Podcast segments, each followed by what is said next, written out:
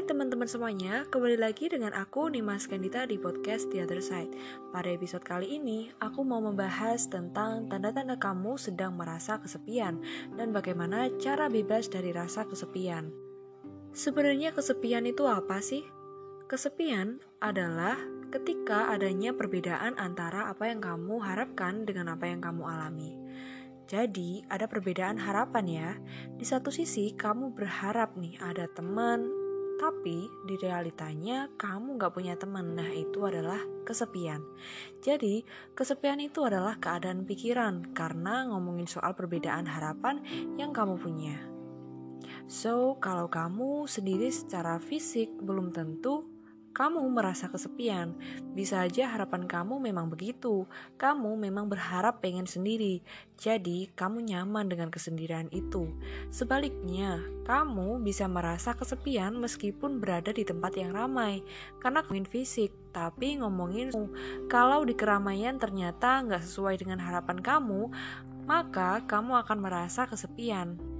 Siapa pun bisa mengalami perasaan kesepian, dan itu wajar kok. Perasaan ini nggak pandang bulu kalau datang. Bahkan di saat kamu memiliki pasangan, rumah mewah, teman yang banyak, penghasilan berlimpah, dan pendidikan yang tinggi, hal itu nggak menjamin kamu bisa terhindar dari rasa kesepian.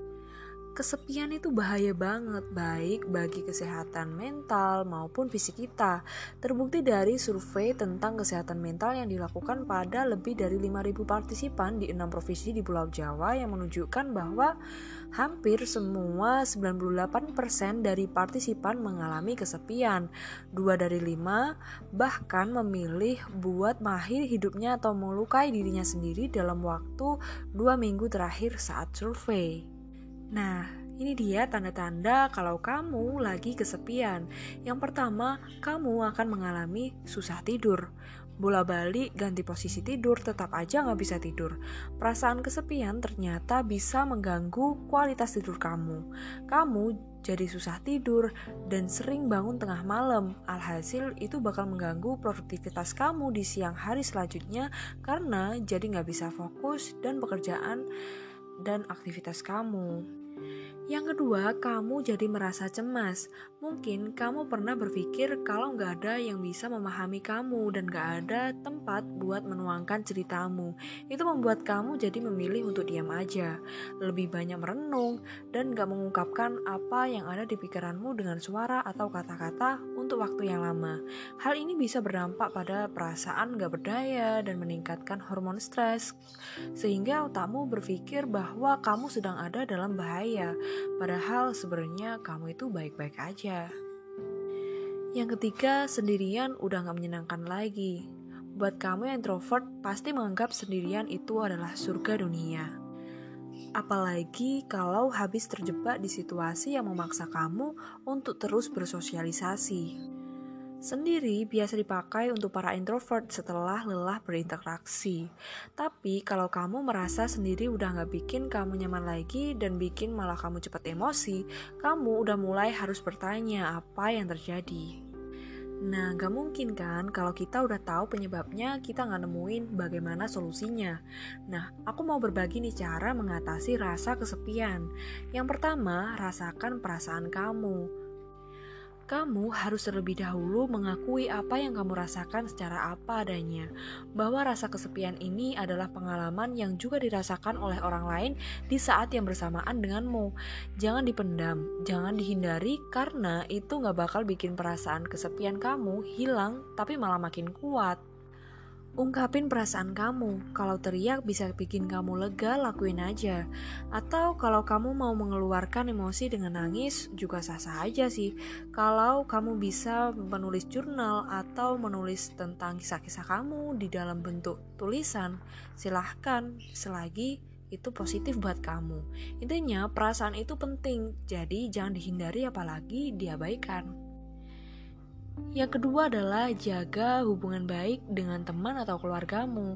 Menjaga hubungan dengan orang-orang terdekat bisa jadi solusi dari rasa kesepian. Meskipun pandemi membatasi ruang gerak kita untuk saling bertemu, teknologi bisa membantu mendekatkan diri dengan orang lain yang kita sayangi.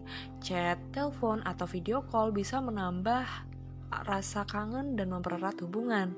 Segera menanyakan kabar, mulai percakapan ringan, bisa membuat ujung bibir kita tiba-tiba melengkung ke atas tanpa kita sadari. Nyatanya, membina hubungan antara manusia bisa bikin rasa kesepianmu berkurang. Yang ketiga yang harus kamu lakukan adalah lakukan hal yang bisa membuat kamu bahagia. Hal sesimpel olahraga, dengerin lagu favorit, nonton film series, baca buku, masak, dan melakukan hal-hal yang kamu suka lainnya bisa mengusir rasa kesepian kamu loh. Seringkali kita terfokus pada kerjaan, tugas, deadline yang bikin kita jadi lupa sama keadaan sekitar dan lupa sama waktu. Jadi, kita lupa buat kasih waktu ke diri sendiri untuk ngelakuin hal-hal yang bisa bikin kita bahagia. Ya, kita lupa bahagia, mungkin itu bahasa singkatnya. Istirahat sejenak gak apa-apa kok, kita juga butuh bersenang-senang sebelum kembali fokus dengan pekerjaan dan tanggung jawab kita. Yang keempat adalah ikut komunitas. Zaman sekarang kita dimudahkan dengan berbagai aplikasi, chat, dan media sosial yang bikin kita bisa terhubung sama orang lain dari belahan dunia mana pun ya kan? Jadi kamu bisa coba ikut komunitas-komunitas berdasarkan minat dan hobi yang sama secara online. Misalnya kamu lagi belajar investasi kamu bisa bergabung dengan grup chat orang-orang yang paham dan sedang belajar investasi seperti kamu. Lewat komunitas itulah kamu uh, bisa berbagi pengalaman dan cerita kepada mereka kamu juga bisa ikut kegiatan sukarela atau volunteer. Dengan ikut berbagai komunitas, kamu bisa memiliki tujuan dan rasa puas karena menjadi bagian dari sesuatu. Yang terakhir nih tips dari aku adalah berlatih untuk selalu bersyukur. Setiap hari kamu pasti bisa menemukan hal-hal yang bisa kamu syukuri walaupun hanya untuk udara yang kamu hirup saat ini. Coba deh ingat-ingat tentang hubungan positif yang kamu miliki dengan orang yang ada di hidupmu walaupun dalam jarak jauh. Hargai momen-momen kecil yang bisa bikin kamu bahagia. Kalau mengingatnya, maka kamu akan mampu melawan rasa kesepian kamu. Nah, walaupun rasa kesepian itu wajar dialami, kamu harus tetap waspada karena tingkat rasa kesepian yang tinggi bisa berdampak pada kesehatan mental kamu. Dan kamu perlu peka sama perasaan kamu sendiri karena perasaanmu itu penting. Kalau kamu ragu-ragu dengan perasaanmu, aku akan membahasnya di episode-episode selanjutnya. Tenang aja karena podcast The Other Side akan menyediakan episode-episode baru yang tentunya akan menarik dan bisa kalian terapkan di kehidupan sehari-hari. Terima kasih untuk episode kali ini. Sampai jumpa di episode selanjutnya.